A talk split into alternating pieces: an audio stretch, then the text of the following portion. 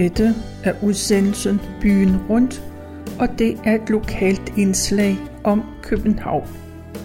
Mit navn er Tove Christensen, og jeg har været på Københavns Stadsarkivs hjemmeside, og der har jeg fundet en erindring, som Inger Weitemeyer har skrevet.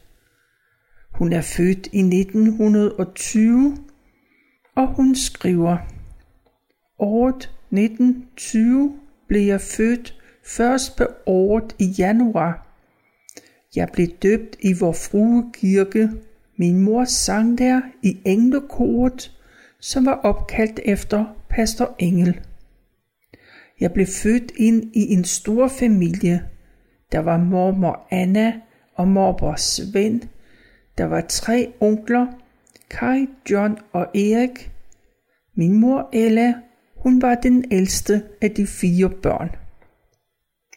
Vi boede i en fireværelses lejlighed i Broagergade på 4. sal nær Enghaveplads. Lejligheden var uden vand og bad og med kakkelovn.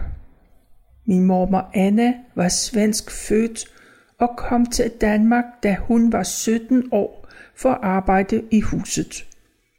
Hun var en lille dame men varm og dygtig. Det var familiens absolute centrum. Min morfars Svend kom fra Græstad af en kulsvigerslægt. Han blev smed og tog maskinisteksamen og sejlede i nogle år, og han fik egen virksomhed, der lå i Valby ved det gasværk, der senere sprang i luften. Morfars mor havde en ejendom på Tingstedet 11. Den ligger der endnu. Hun var vist efter den tids begreb en rigtig dame, hvad hun nok også var, for min morfar fik gennem årene mange penge af sin mor.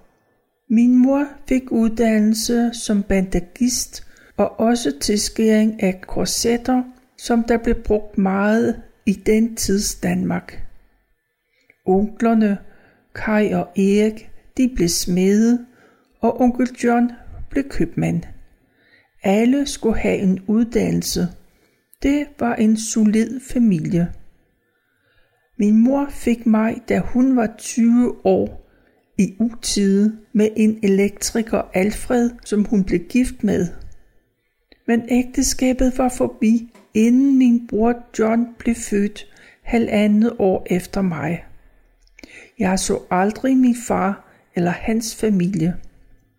Min mor var smuk og vagte opsigt, når hun var til selskaber.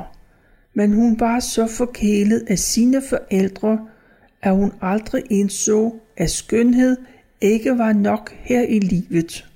Hun fik ikke sit eget hjem med sin mand, for efter skilsmissen boede vi alle tre hos mine bedste forældre, der fortsatte forkælede og tilbad min mor.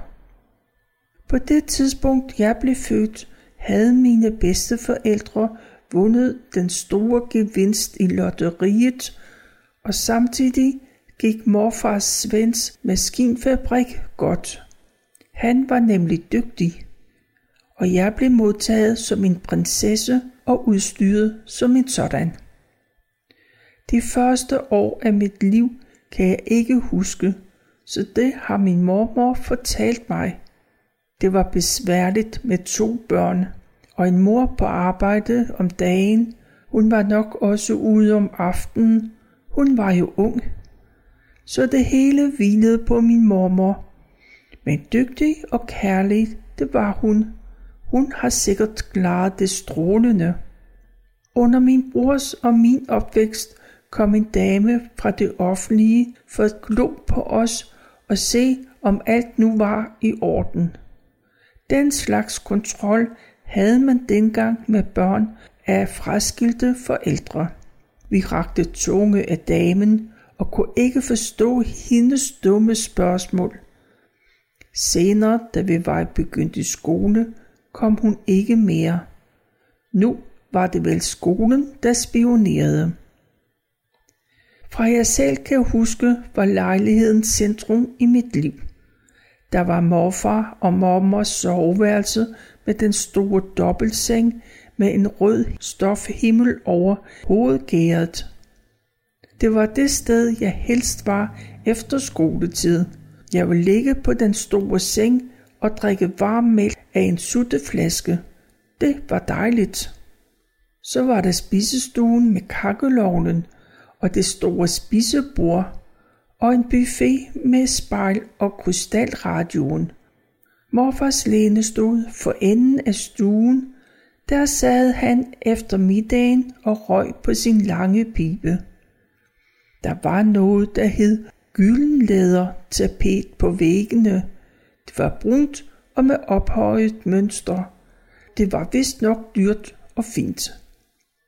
Hjørnestuen havde tre vinduer, og de var lyst og venligt med klaver og fine mahonimøbler med tæpper på hele gulvet. Og der befandt telefonen sig. Den ringede tit, og når mormor talte med den, der ringede, var hun meget høflig og nejede og smilede, som om den, der ringede, kunne se hende. Det var en partelefon, så det var morsomt forsigtigt at lette på røret for at høre, om det muligvis var nogen, der talte. Men blev vi taget i det, vankede der en opsang. Hjørnestuen gemmer dejlige barndomsminder. Der listede vi ind, før familien vågnede. Så lå vi på tæppet og legede. Særligt første juledag, for vi fik mange julegaver. Vi var der også for at se på det flotte juletræ. I det store køkken måtte alle vaske sig, og det var koldt om vinteren. Der var toilet i lejligheden. Det var lille og meget optaget, når familien var samlet. Så var der det værelse, hvor min mor og jeg sov. Senere også min bror, der indtil der havde sovet hos mormor og morfar. Min onkel John havde et værelse på loftet uden opvarmning. Han var der kun, når han sov. Min mormor var genial til husførelse. Alt var der. Der var spejepølse, rullepølse, leverpostej i store mængder. Der blev spist godt i den familie. Der manglede aldrig noget. En gang om måneden måtte min bror og jeg bestemme søndagsmiddagen. Min bror bestilte altid brune bønner med stikrøget flæsk. Det kunne jeg ikke fordrage. Min middag var altid stegt kalvekotelet med skaft. Dertil stuede frisk spinat og så jordbær til dessert. Bærene blev altid serveret i en stor skål. De blev vendt i flødeskum og med sukker. Det var himmelsk. Disse søndagsmiddage var morsomme. Så kom onklerne med deres damer, så der blev snakket og grinet. Vi spiste klokken 12, og eftermiddagen blev brugt til at spille kort ved små borde. Senere var det klaveret, der var i gang. Det var noget af en oplevelse at gå på indkøb med mormor, men jeg kunne ikke rigtig lide det, for hun pruttede om priserne, når hun købte. Hun kunne ikke lade være. Det var en helt mani, men hun gik som regel af med sejren, mens jeg, blodrød i håret, bar varerne med os. Der var bestemte forretninger for kød og grønt, som der blev handlet i. I Istegade var der en kælderbutik, der blev altid købt røget lammelår og spejesild. Det var to ting, min morfar satte pris på. I Blågårdsgade var der også en stor kælderbutik med fine ender, gæs og duer. Mormor kunne kun tilberede disse flyvende dyr fra den butik, så vi var afsted med sporvogn til disse indkøb. Købmanden lå på hjørnet af Broagergade, og i det hus vi boede i, var der en dejlig bager. og mormors cigarhandler, hvor der blev hentet ugeblade, og den cigar min mormor røg. Det var Adams, som udenpå havde et billede af en lang, tynd mand, og senere blev det til serutter. Der var også en farvehandler i ejendommen. Den er der vist nok endnu. Den farvehandler var til stor redsel for mig. Jeg var bange for ildebrand med alle de farlige væsker, og var vi enkelte gange alene hjemme, turde jeg ikke sove af skræk for at indebrænde. Men det skete heldigvis aldrig. Der var vaskedag hver 14. dag. Så gik det løs i vaskehuset på loftet. Den første dag blev tøjet sorteret og lagt i blød. Næste dag kogt og vredet og hængt op. Så var der dejligt i det store vaskehus, og der blev badet i de store trækar. Det var det rene svir, ellers brugte vi det offentlige badehus i Lyrskovgade. Mormor elskede at sejle kanalrundfart, og om sommeren var vi tit på disse ture, fra vi var helt små.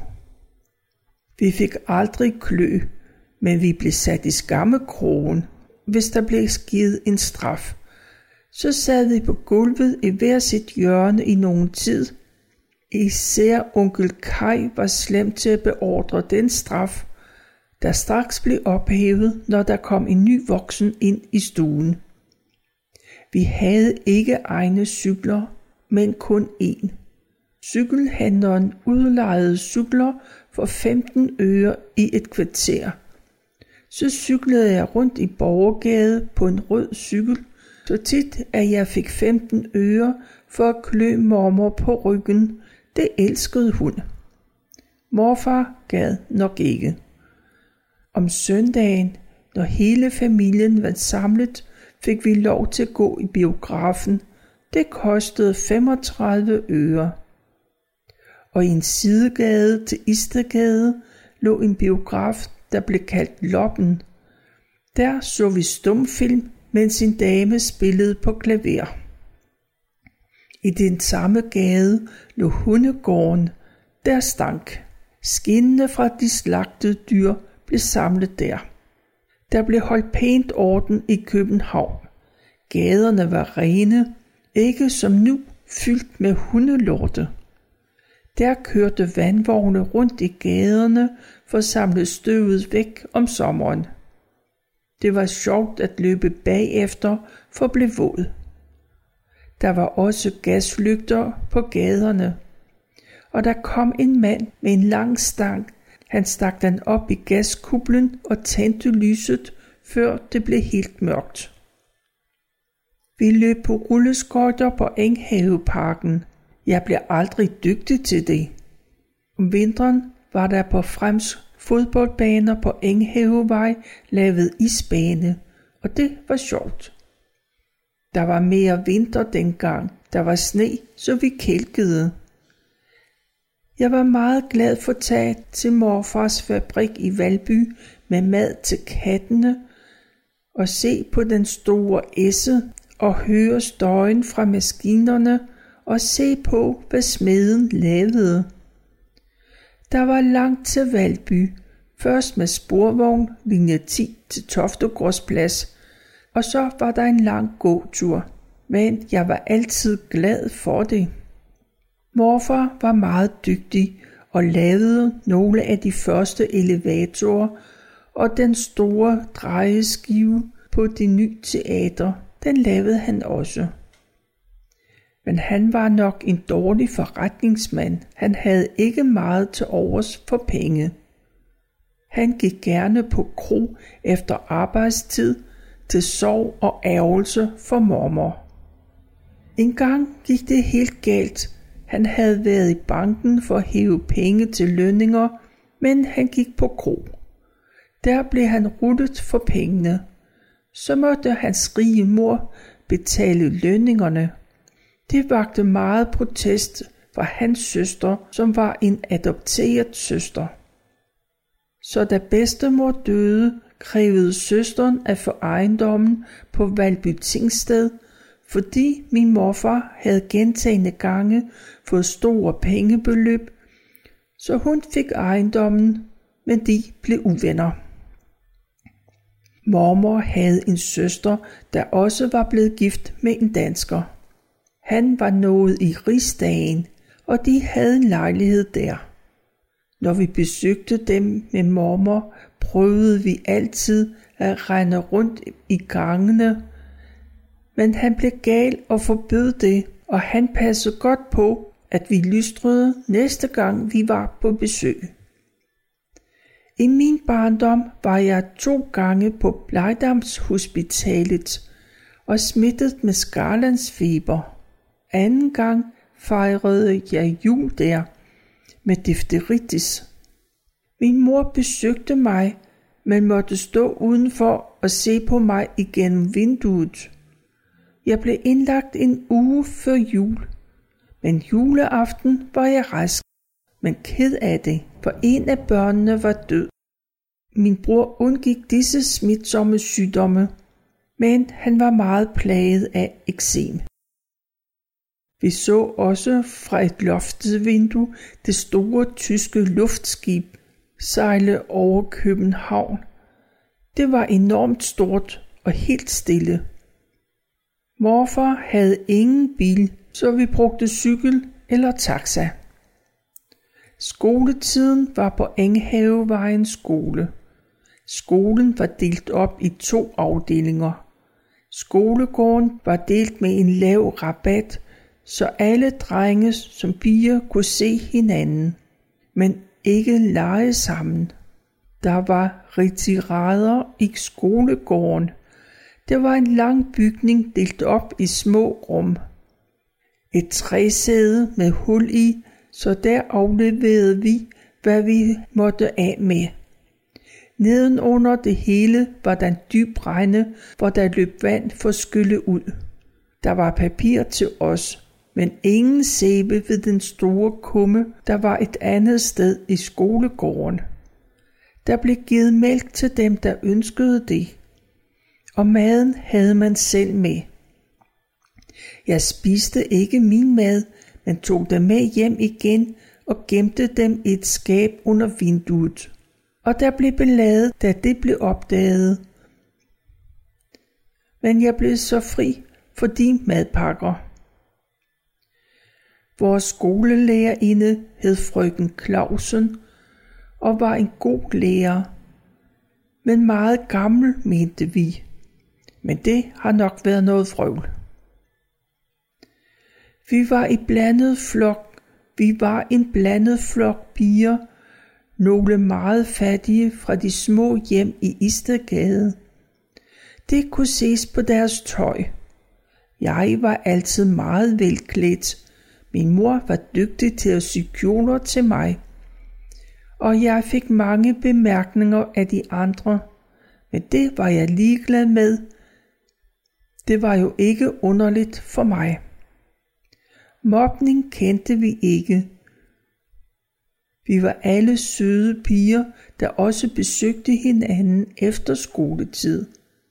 Men havde nogen drillet mig, kunne jeg der som de var på det andet hold i langbold, Giv dem en hård bold bag i. Jeg var en mester i at sende bolde afsted. Vi havde gymnastik to eller tre gange om ugen. Det var godt, for der var bad bagefter, og da nok ingen af os, der havde bad derhjemme, var det godt at blive spulet. Der kom en dame en gang om måneden og undersøgte vores hår. Hun så efter lus. Vi fik brev med hjem om det, og jeg prøvede at have lus en gang. Det var morsomt, når min mor kæmmede hårdt, og lusene faldt ned på avisen. Om sommeren brugte vi gymnastiktimerne på at lære at svømme i gasværkshavnens badeanstalt. Så gik vi hurtigt fra skolen dertil. Der var bassiner med, med 3, 4 og ni fod.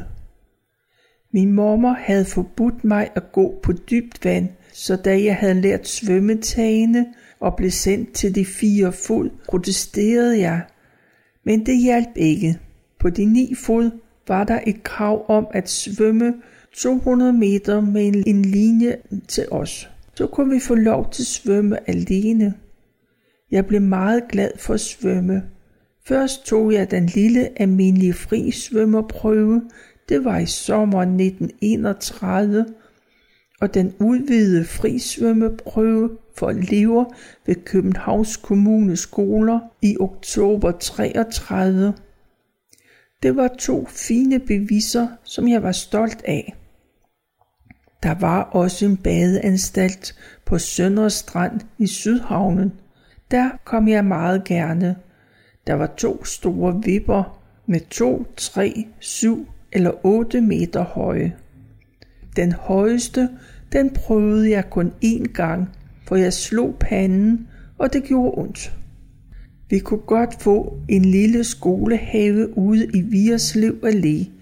Det prøvede jeg en sommer, men kun med blomster, men jeg gad ikke rigtigt. Der var også søndagsskole i gymnastiksalen på skolen. Der blev sat bænke sammen i små partier, og så blev der læst højt for os af Bibelen og fortalt historier. Det var nu ikke det store sus for mig, men jeg husker det tydeligt. Jeg gik ud af skolen efter 8. klasse. Da jeg var cirka 12 år, rejste min onkel John til Amerika. Han emigrerede, men kom tilbage til Danmark med en kone, som var fra Finland. Han havde en dille med fra USA, en jojo. Der blev lavet maskiner til at frembringe den på morfars fabrik. Hele familien deltog med maling af dem, og der blev sat snor i. Det blev også her den store dille. Alle rendte rundt med en sådan. Der blev lavet konkurrencer over hele landet. Og der skete noget sørgeligt for onkel John. Hans kone Annelise døde af tuberkulose. Hun havde haft en svær barndom og ungdom i Finland. Det var jo strenge tider i Norden i 30'erne. Hun var så smuk og sød, så vi sørgede alle i familien. Senere skete der noget meget forunderligt for onkel John. Han gik meget på kirkegården og passede graven.